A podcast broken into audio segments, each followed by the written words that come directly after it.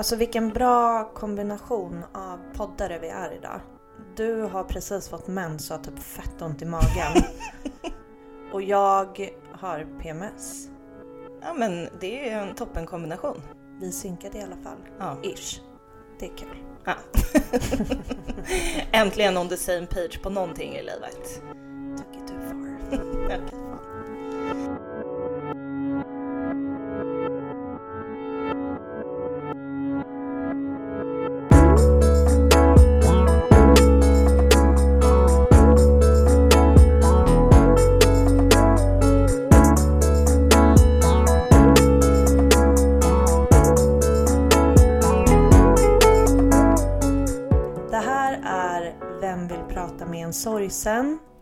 Heter Mickan. Och jag heter Steffi. Hur är läget Stefanie Gripenberg? Eh, jo, jag vaknade ju av mensvärk i morse. Eh, så det var ju ganska fruktansvärt måste jag säga. Så jag har ju gått eh, hela dagen och haft ont. Mm. Och det är ju otroligt påfrestande.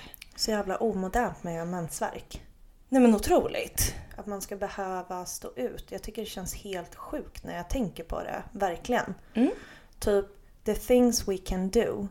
Men vi kan inte bara göra oss av med mensvärken. Nej, det är ett för evigt jävla mysterium faktiskt. Det är verkligen det. Eh, och sen eh, så känner jag mig så otroligt instängd i Skarpnäcks stadsdel. Okej. Alltså hela den här veckan. Jag har ändå gjort ganska så trevliga saker. Ni var på middag någon kväll, du och din kille Anton. jag hade så här kompis på middag igår. Ja men liksom ändå gjort lite saker. Men bara i Skarpnäck. Jag lämnar ju aldrig den här stadsdelen. Nej. Det gör vi väldigt sällan både du och jag. Ja, så och det, alltså jag känner mig bara så uttråkad. Hur mår du? Nej men jag har eh, lite PMS. Gud, varför har vi blivit menspodden en... Inte så stark. Den har ju blivit väldigt mycket svagare sen jag började på antidepp.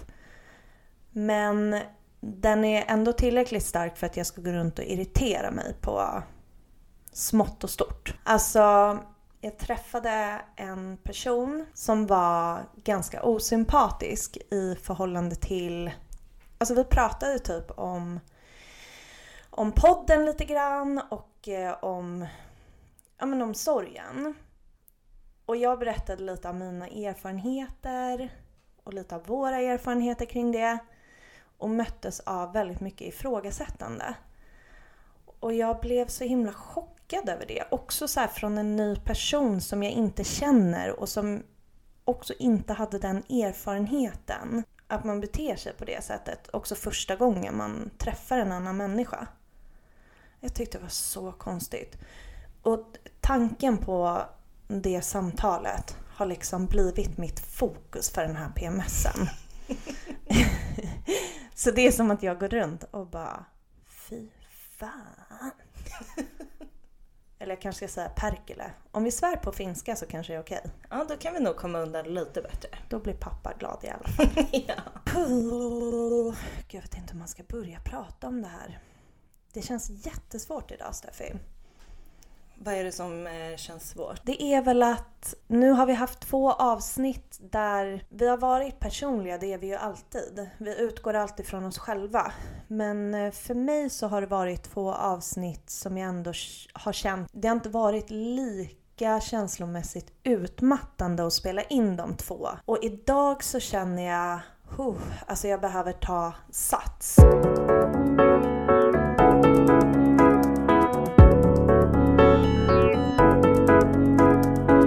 Idag så ska vi prata om Lussans begravning. Vi ska prata om hur det kändes inför, under och tiden efter. Vi kommer prata och fokusera kanske framförallt på hur saker och ting kändes. För det är ju lite det som är våran grej här. Exakt. Och sen så har vi också frågat på Instagram om det är någon av er som hade önskemål om saker vi skulle ta upp kopplat till begravning. Vi ska göra vårt bästa för att reflektera kring det som ni ändå har varit så generösa med att bidra med till oss. Det första som dyker upp när jag tänker på begravningen det är att Lussans sjukdomsförlopp gick så fruktansvärt fort att vi hann aldrig tillsammans med henne prata någonting om hur hon ville ha sin begravning. Det är svårt att förklara hur snabbt Lussan gick från att vara sjuk till att vara döende och vad det gjorde med henne. Typ hennes talförmåga och funktion överhuvudtaget. Så vi hann aldrig ha samtal som kanske handlade om döden och hennes känslor inför det. För att när vi väl var där, då gick det inte att konversera med henne på det sättet längre. Och vi hann heller inte prata någonting om hur hon ville ha sin begravning. Och det här var och är fortfarande jättejobbigt att bära på. Första gången som jag verkligen förstod att det var lite ovanligt det var när vi var i vårt första så här, Ung Cancer-sammanhang. Mm. Det är en organisation som vi har ja, men, beblandat oss med på massa olika sätt för att de är så himla bra. Och när vi pratade med andra närstående så förstod man att eh, det är vanligare att man får beskedet det finns ingenting mer vi kan göra och att när de säger att det är kort tid kvar så betyder det kanske sex månader. Det betyder inte ofta som i vårt fall sju dagar. Det som jag också har förstått är att många då pratar med sin person om hur den vill ha sin begravning. Vilken musik vill man ha? Vilka blommor? Vilken mat vill man ha på mottagningen efter? Vi fick ingenting sånt. Det känns som att jag blev eh, bestulen på den tiden och få sitta och liksom få höra hennes tankar på något sätt. Det, eftersom vi liksom aldrig hann det så blev det också så viktigt sen när vi väl började planera begravningen att hela tiden ha med henne i åtanke vad hon hade velat. Det finns ju ett antal saker som man måste göra och ta beslut om inför en begravning och efter att någon har gått bort. Eh, det är allt från dödsannonser, hur de ska se ut, vilken tidning de ska vara i, om de ska vara det överhuvudtaget. Man ska göra massa märkliga val som till exempel vilken kista man ska ha och vilken gravsten man ska ha och vilket typsnitt det ska vara på gravstenen. Och ja, alltså allt från de liksom materiella sakerna till vilken känsla som ska vara under den här begravningen. Och där kan det ju vara allt från så här, vilken, vilka blommor ska typ vara på den här kistan och vilka salmer ska vi ha under den här begravningen och vilken annan musik vill vi ha? Hur var hela den här processen för dig Steffi? Vad kände du när vi var tvungna att göra alla de här märkliga valen? Man satt liksom där på begravningsbyrån och med en jättetjock bok och skulle bläddra igenom och välja en kista som kändes rätt. Samtidigt som man känner att ingen kista känns ju rätt. Det blir hela tiden en, en krock med att man vill göra alla de här valen och sen så känner man så här, varför ska jag behöva göra de här valen? Det är ju sjukt att hon har, att hon ens inte är här. Och en, jag vill inte göra det här, jag vill bara fly. Det var liksom de två mot varandra hela tiden. Att göra de här valen för Lussan, det är också så speciellt för att typ när vi skulle välja gravsten, då är det så här, ja men Lussan älskade ju stenar. Ja! Hon hade absolut en favoritstensort liksom. Så då var det ganska, när de bara, ja men den här gravstenen är i granit är det va? Ja. Vi bara, det blir den. Då för, alltså, det är också så absurt för man står där och bara Det är klart att Lussan vill ha granit för det är hennes favorins, favoritstensort. Vem har en favoritstensort? Jo, det hade Regina Louise Gripenberg. alltså det var ett enkelt val i alla fall. Mm. En annan sak jag kommer ihåg att vi pratade om mycket i familjen. Det var när vi till exempel tittade på menyn inför den här mottagningen som är efter begravningen. För det var så tydligt att den var anpassad efter en gammal person. En Mm. typ 80-90-åring. För det enda som fanns på den där menyn det var ju smörgåstårta. En liten snitt med typ lax, alltså I don't know men det kändes väldigt så här gamla Sverige typ. Ja men och prinsesstårta med kaffe. Ja, det var mycket så fika-stämning. Ja. Och när man tänker på Lussan och när man tänker på en 25-åring så... Jag vet inte. Är smörgåstårta... Alltså no offense to all jag som älskar smörgåstårta där ute. Men Lussan var nog inte en av dem. Då blev det i alla fall så himla tydligt att vi har förlorat en person som borde vara i livet. Det är ju genomgående genom hela den här planeringen av begravningen. Är bara att allting känns onaturligt och inte heller anpassat. Någonting som flera skrev på Instagram är det här när man har typ möte med prästen innan en begravning och eh, som familj eller som närmsta anhöriga ska komma överens om hur hela begravningen ska vara i stort sett. Och vad man gör ifall man tycker olika. Jag kan verkligen förstå att beroende lite på hur den här konstellationen av personer som är nära anhöriga som ska ta de här besluten ser ut. Att det kan uppstå konflikter. Nu är det ju så att vår familj är så tajt och den här typen av konflikter uppstod inte riktigt mellan oss. Jag tror det närmsta vi kom till det det var precis dagarna efter Lussan hade gått bort när vi började prata om begravning.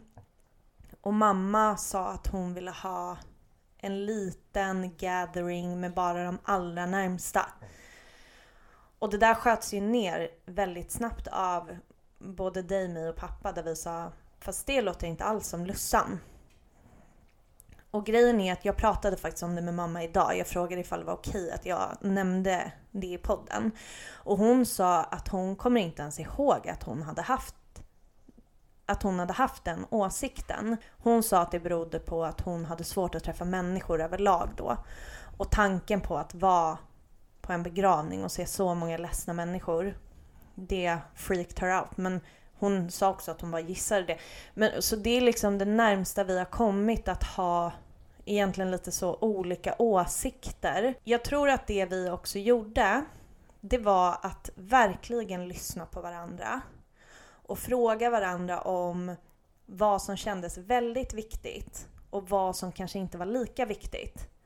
För att man har ju känslan av att man vill få med allt i en begravning. Alltså när, när man skriver ihop det här talet som prästen ska hålla, då vill man ju att man ska fånga allt som rör den personen. Mm.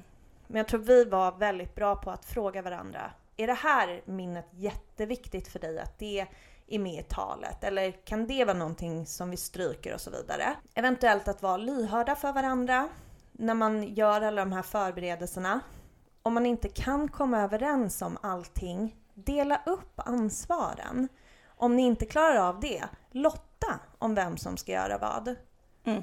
Alltså jag vet inte hur man löser det bättre, men en sak kan jag säga. Det är inte värt att ha konflikter när man planerar en begravning. Ni kommer ångra det efteråt.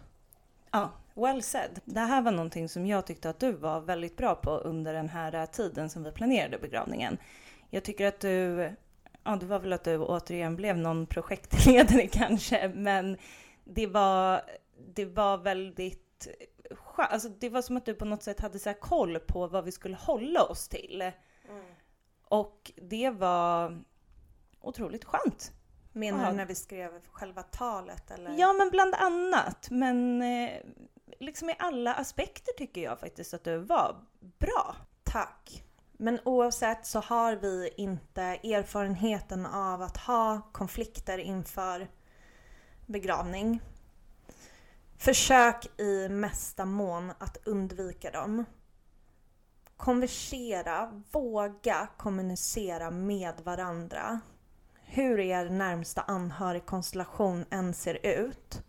Lägg era känslor kring varandra om de inte är bra åt sidan. Dela upp ansvar er emellan. Då får du äga någonting helt själv. Men då får du också liksom acceptera att någon annan äger något annat. Men gör det. För det är liksom inte, det är inte värt det. Nej. En sak som eh, jag också tänker på är det här vem man bjuder till en begravning. Det, man bjuder ju inte in till kyrkan, i alla fall inte under vanliga omständigheter. Men eh, till mottagningen efteråt måste man ju ändå göra någon typ av urval. Och det kan ju kännas jättesvårt. Men det vi faktiskt gjorde var ju att alla fick välja, liksom alla fick ta de personerna som var viktiga för en, som man kände att man behövde ha där. Precis, alla vi i familjen. Och sen så gav ju vi över ansvaret om Lussans kompisar till Lussans två närmsta vänner som bara fick välja. Vi sa så här många platser finns det, kan inte ni ta över vilka det ska vara? Och det var så skönt.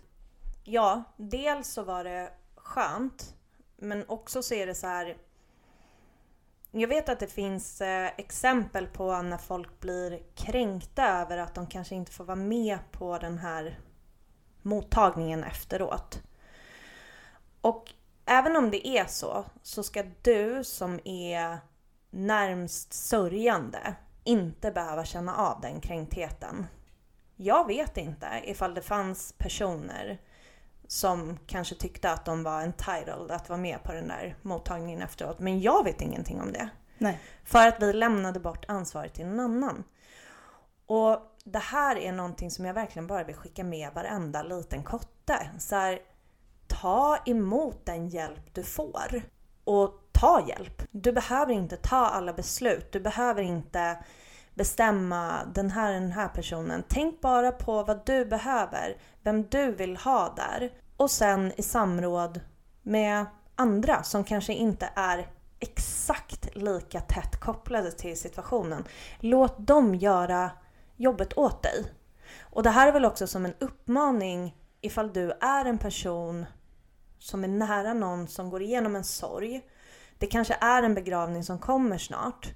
Vad är det man behöver? Man behöver någon som tar det praktiska åt en typ. Mm. Man har redan ganska mycket att så här fixa och dona med. Så mest av allt så behöver man typ någon som lagar ens mat, målar ens naglar ifall det är det man vill.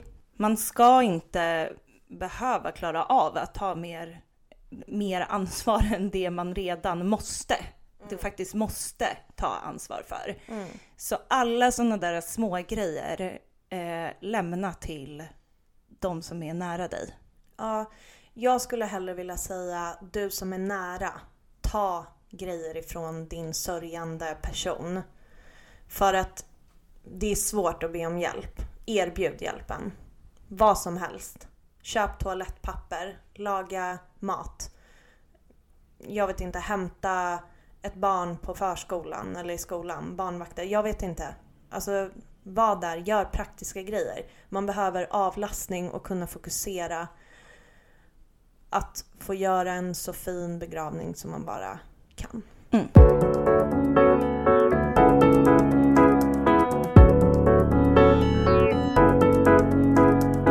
Lussans begravning var ju den 28 maj 2019. Mm. Kommer du ihåg vilket väder det var den dagen? Det var jättefint väder. Var det? Mm. Det enda jag kommer ihåg från vädret den dagen, det är från mottagningen. För då satt jag typ ute på verandan och tjuvrökte. och då var det typ fett blåsigt och mulet. Jo, nej men när vi åkte till kyrkan så var det jättefint. Då var det sol. Ja okej. Så nu vet ni, 28 maj 2019 så var det här blandade vädret. Vad kommer du ihåg? Ingenting förrän vi kommer till kyrkan. Det är då jag börjar minnas. Vi kom ju till kyrkan en timme innan alla andra ungefär. För att få komma dit, se hur det ser ut där inne, liksom se kistan där framme och allt. Och sen efter det så gick ju vi och satte oss i något rum utanför kyrkan och väntade på att alla andra skulle komma. Och det här var en så absurd situation. För att det, jag minns bara att jag satt... Det enda jag kunde sitta och tänka på var hur jag skulle reagera när jag kom in i kyrkan. Jag hade, jag hade ingen aning om vad som skulle hända. Och alla skulle redan sitta där inne då. Och ja, den här tanken gick runt och runt i mitt huvud. Det, var, det är det enda jag minns att jag tänkte på. Och att det tog oändligt lång tid. Mm. Vi satt ju typ och snicksnackade med prästen. Vi hade ju sån himla tur för att prästen som begravde Lussan mm. är ju samma präst som har döpt alla oss och konfirmerat alla oss. Så att vi har ju en relation till honom. Men vet du, en sån här sjuk grej som jag bara kommer ihåg från när vi var där, som satte sig i mitt huvud, det är att den toaletten som var där inne var så långt ner och jag hade så höga klackar på mig. Så varje gång jag skulle, jag gick upp, jag, alltså jag gick säkert och kissade så tre gånger innan vi gick in i kyrkan. Och varje gång så hade jag så jäkla långt ner till toaletten. jag minns det så väl när vi kom in i kyrkan. För jag fick en chock över hur mycket folk det var där. Alltså den var fullproppad och lite till. Och det var så otroligt starkt och så otroligt sorgligt. Och när vi kommer in, det är, så, det, är en, det är en sinnessjuk situation också. Att vi kommer in, alla sitter där. Vi går in liksom längst fram i kyrkan, typ där kistan står. Så att vi har som en hel publik när vi ska gå och sätta oss vid våra platser. Och när vi kommer in där så är det knäpptyst i hela kyrkan. Det var som att alla satt och väntade på... Men jag vet inte, det var som att ingen ville visa en känsla förrän vi hade typ satt oss. Jag vet inte. Men vi går alla fram först till kistan och jag lägger handen där och börjar gråta på ett sätt som är okontrollerbart. Hulk, högljudd, gråt. Och jag kunde inte bry mig mindre om att jag stod inför typ 120 personer och bara grät. Det fanns inte, alltså jag kunde inte bry mig mindre. Det som händer när jag börjar gråta så högljutt, det är på något sätt att det är så här okode eller att folk liksom kände med också. Mm. Men det var som att från den här knäpptysta viben som var i hela kyrkan så satt alla och bara grät. Jag minns bara det där tillfället så himla väl. För det var en sån kontrast från det här knäpptysta till att till att varenda människa i hela kyrkan satt och storgrät, såklart. Ja. Och jag börjar gråta så mycket nu också. Eh, men det är någonting med det ögonblicket när vi stod där framme vid kistan och jag kommer ihåg att jag bara höll fast i dig liksom. Och kunde liksom inte släppa dig riktigt. Och bara grät liksom. Och jag minns när alla andra hade gått och satt sig och du och jag stod kvar framför kistan och bara kramade varandra. Och att man kunde liksom höra alla andra i bakgrunden. Och det blev något så sorgligt liksom att du och jag stod där med Lussan också, men hon var inte där.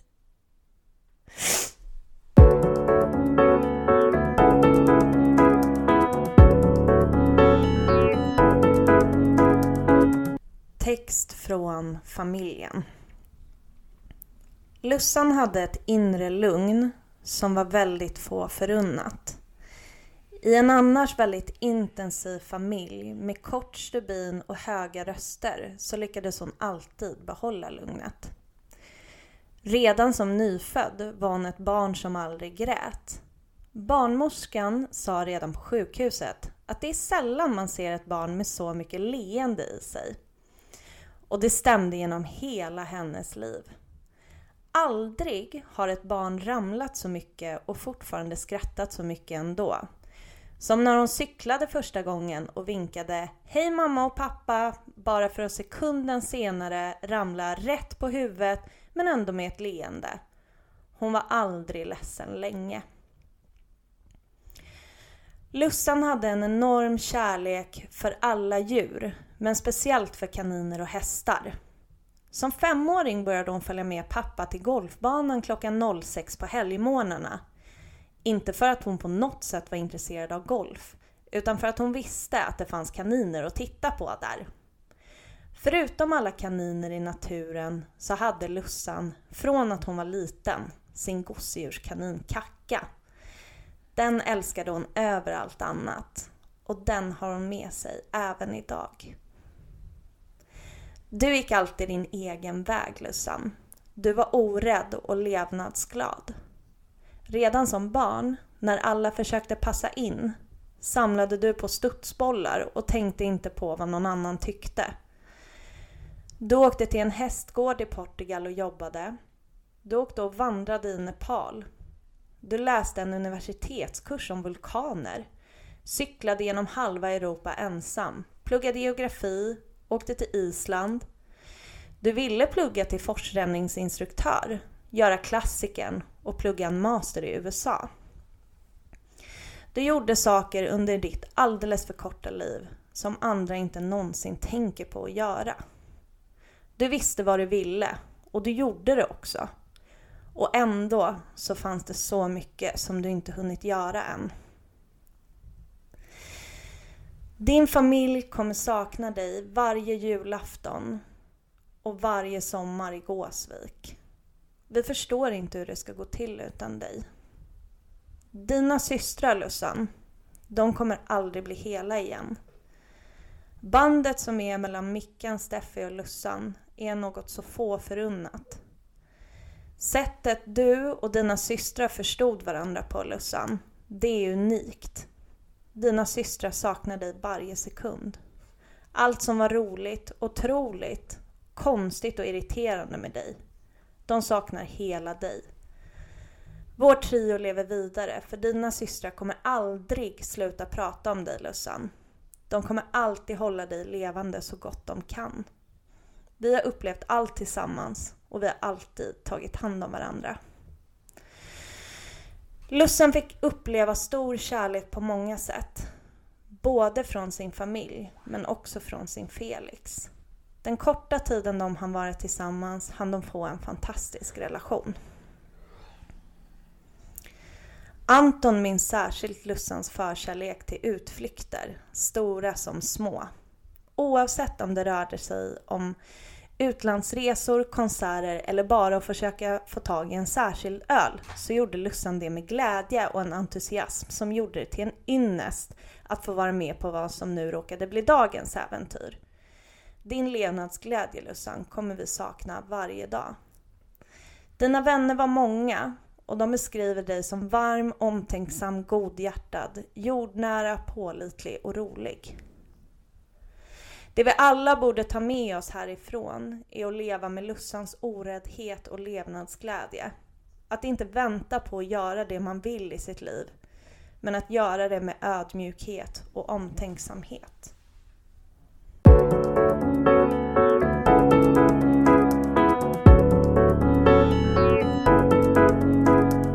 För er som kanske inte förstod så var det där alltså det så kallade griftetalet som lästes upp på Lussans begravning som vi i familjen hade skrivit tillsammans.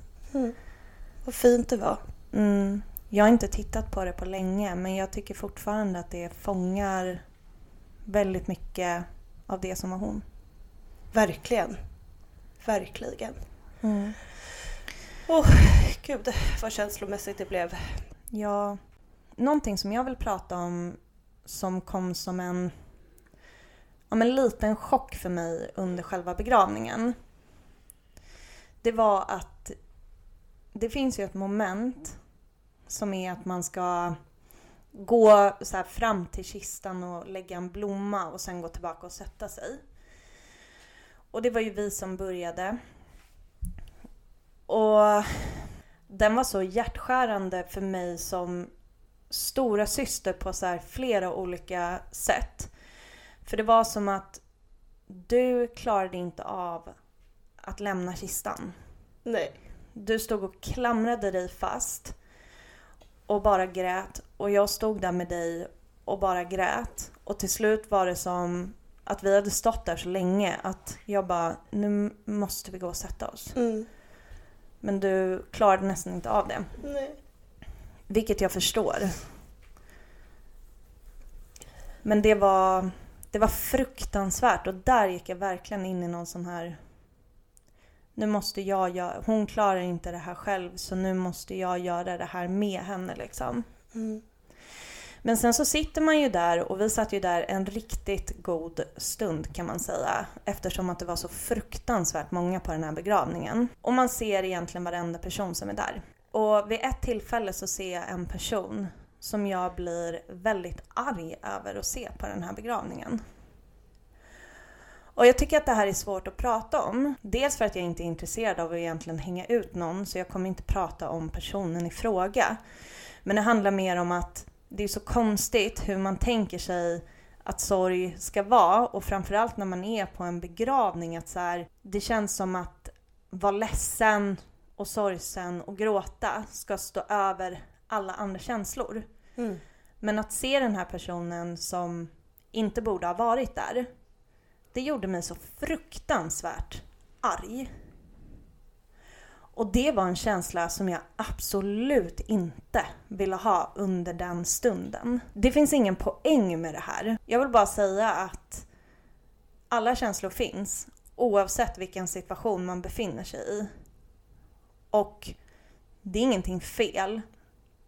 Och i efterhand så är det som att det som var väldigt fint med den här begravningen, det överskuggar, eller Ja. vad man ska säga, att jag såg den här människan.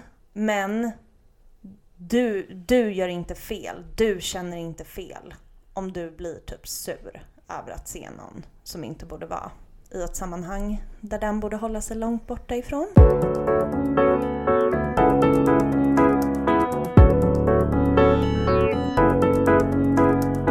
Vi pratade med eh, vår präst innan.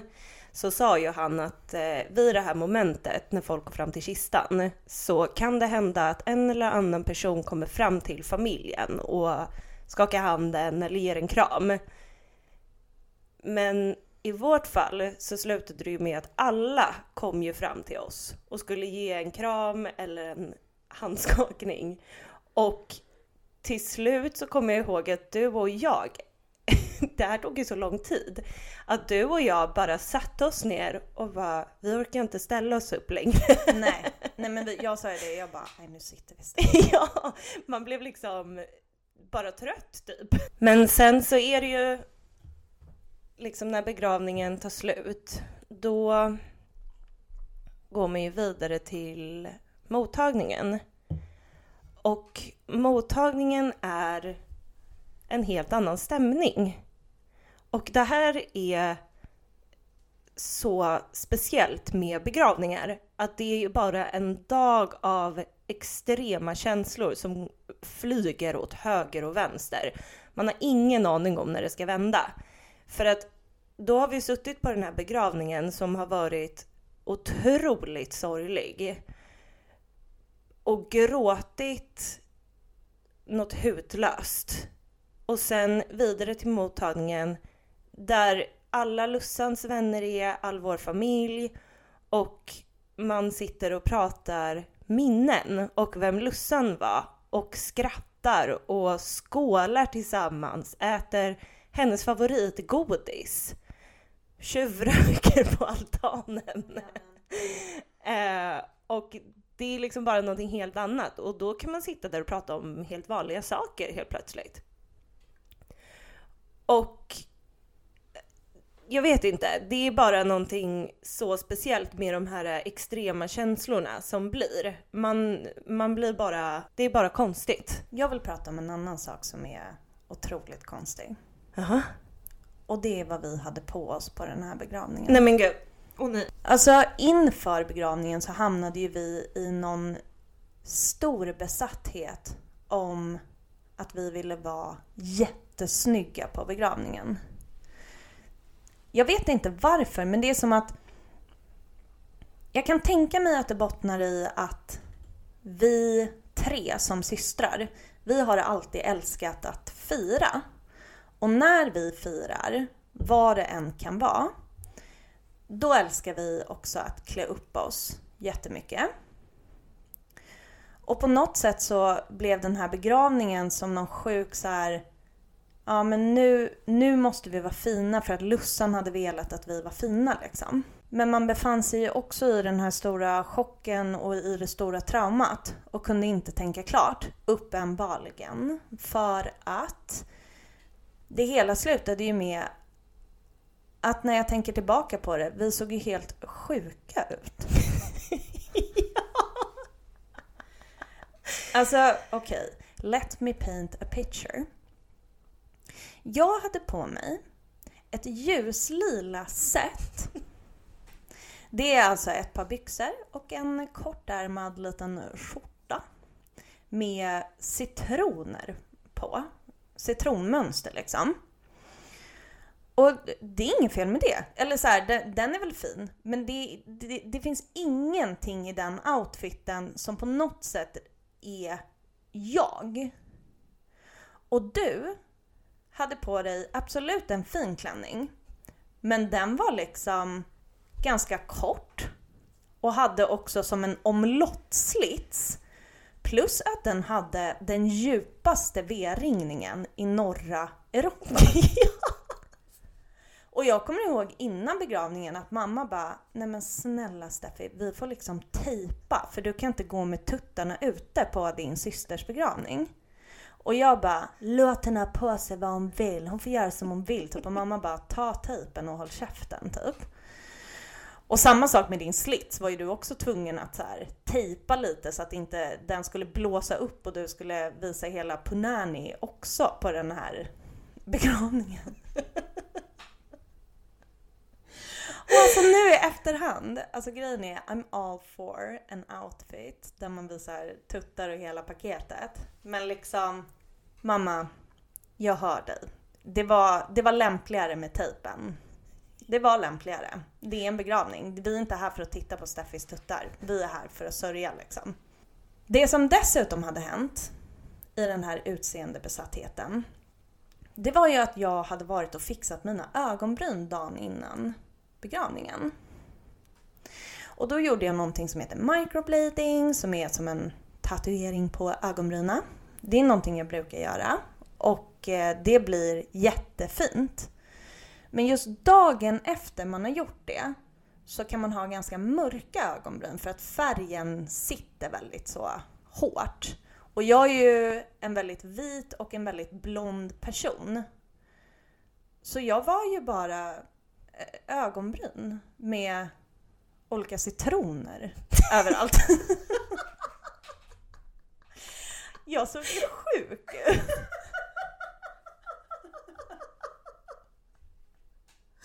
Nej men alltså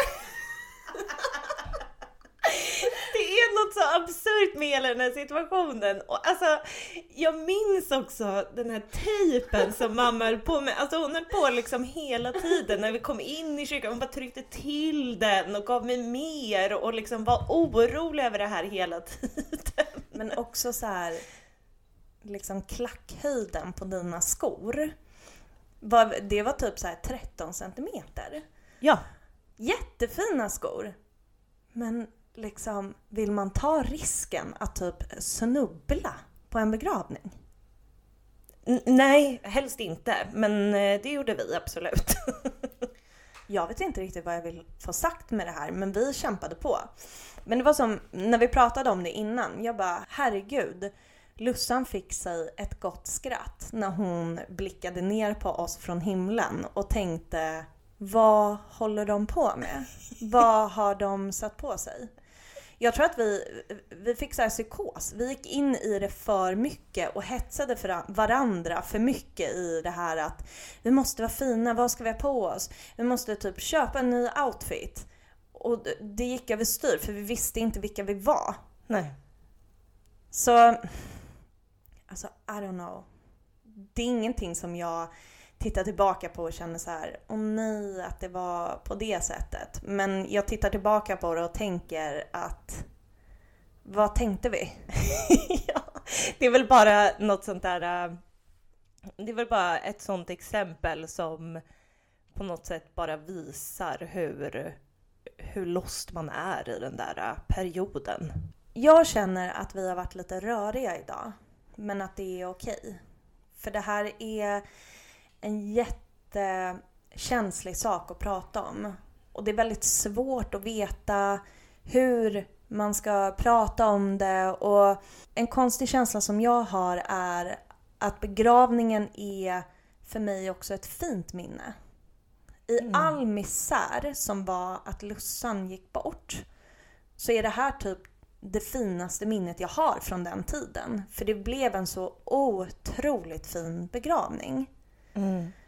Alla människor som var där, alltså jag blev så rörd när jag såg att Lussans kollegor från Göteborg, som hon inte hade jobbat med speciellt länge, hade åkt upp och var där. Mm. Människor som jag vet att hon inte haft kontakt med sedan hon var typ 17, var där. Det var så fantastiskt fint för att vi hade istället för att liksom lägga en blomma på kistan byggt upp med så små minivaser. Som en sommaräng av säsongsbaserade blommor. Mm. Och vår präst var så fantastisk på att fånga exakt hur det kändes.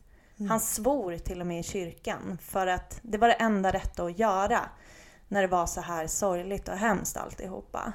Vilket också var det enda alla ville påpeka efteråt. Ja, verkligen. Alla var amazed. Bara, det var så otroligt när prästen svår. Nej men och sen så känner jag att vi fick till det så himla bra med musiken också. Oh. Det var så otroligt starkt för att Lussans kille hade komponerat ihop ett musikstycke som inledde hela begravningen. Det var så otroligt fint att de två sånger som sen framfördes under begravningen sjöngs av min kompis Blenn. Och jag vill flika in att har ni inte lyssnat på Blenn så vill jag att ni efter det här avsnittet går in på Spotify och gör det. För att hon har typ en av Sveriges bästa röster. Och när vi skulle tänka över vilka låtar hon skulle framföra på begravningen så var det ju som att vi först var väldigt besatta av att så här, det måste betyda något, det måste koppla an till Lussan och så vidare. Och man har ju som ett eh, program så här, så här lång är en begravning, så här många låtar brukar man ha. Och vi skulle liksom välja två låtar då utöver den här egenkomponerade. En låt var ju väldigt självklar för oss, för det var din, min och Lussans låt. Mm. Men den andra höll vi på att tänka över så himla länge. Till slut så bestämde vi oss bara för att ta en låt som vi tyckte var fin. Och det blev eh, Beyoncés Halo. Och den avslutade liksom hela begravningen. Och det blev så himla fint för det är så här. Eh, Everywhere I'm looking now I'm surrounded by your embrace. embrace. Mm. Baby I can see your halo. Och sådär. You know the song. Och den låten betyder, den betyder inte något för oss eller för Lussan så personligen men det är bara en väldigt fin låt. Uh. Och det är väl också typ som ett litet medskick jag vill göra. Att så här, fastna inte i att så här, det måste vara någonting som betyder det här och det här och det här. Det kan också bara vara en fin låt. Det mm. är okej och det kan bli lika bra.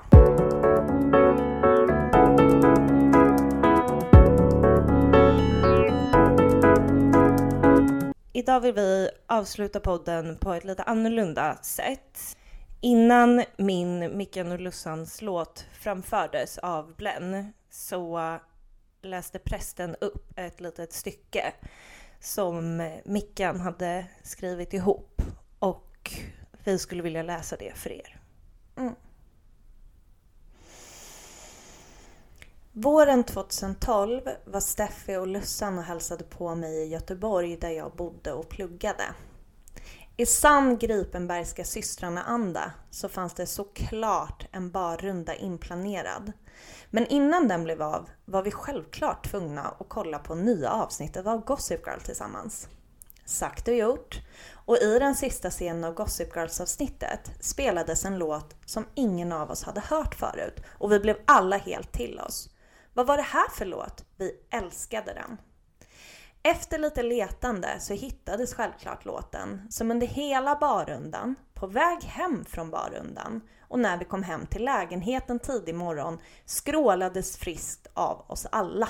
Alltså, andra bargäster, personer på spårvagnen och för att inte tala om mina grannar hatade oss antagligen som sjöng prick samma låt på repeat under en hel kväll, natt och tidig morgon. Vi kunde inte bry oss mindre. Från den dagen har vi systrar vid varje tillfälle som givits satt på vår låt. Vi har skrålat den med varandra. När vi inte har lyckats vara på samma ställe har vi sjungit den rätt in i mobilkameran och skickat till varandra. Under de sista månaderna vi hade tillsammans satte vi också på låten, sjöng och grät om vartannat.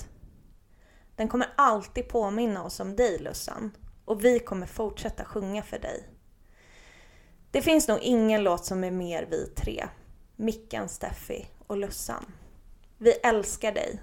Vi känner oss halva utan dig. När barerna stänger och du känner för att ge upp, då bär vi dig alltid hem.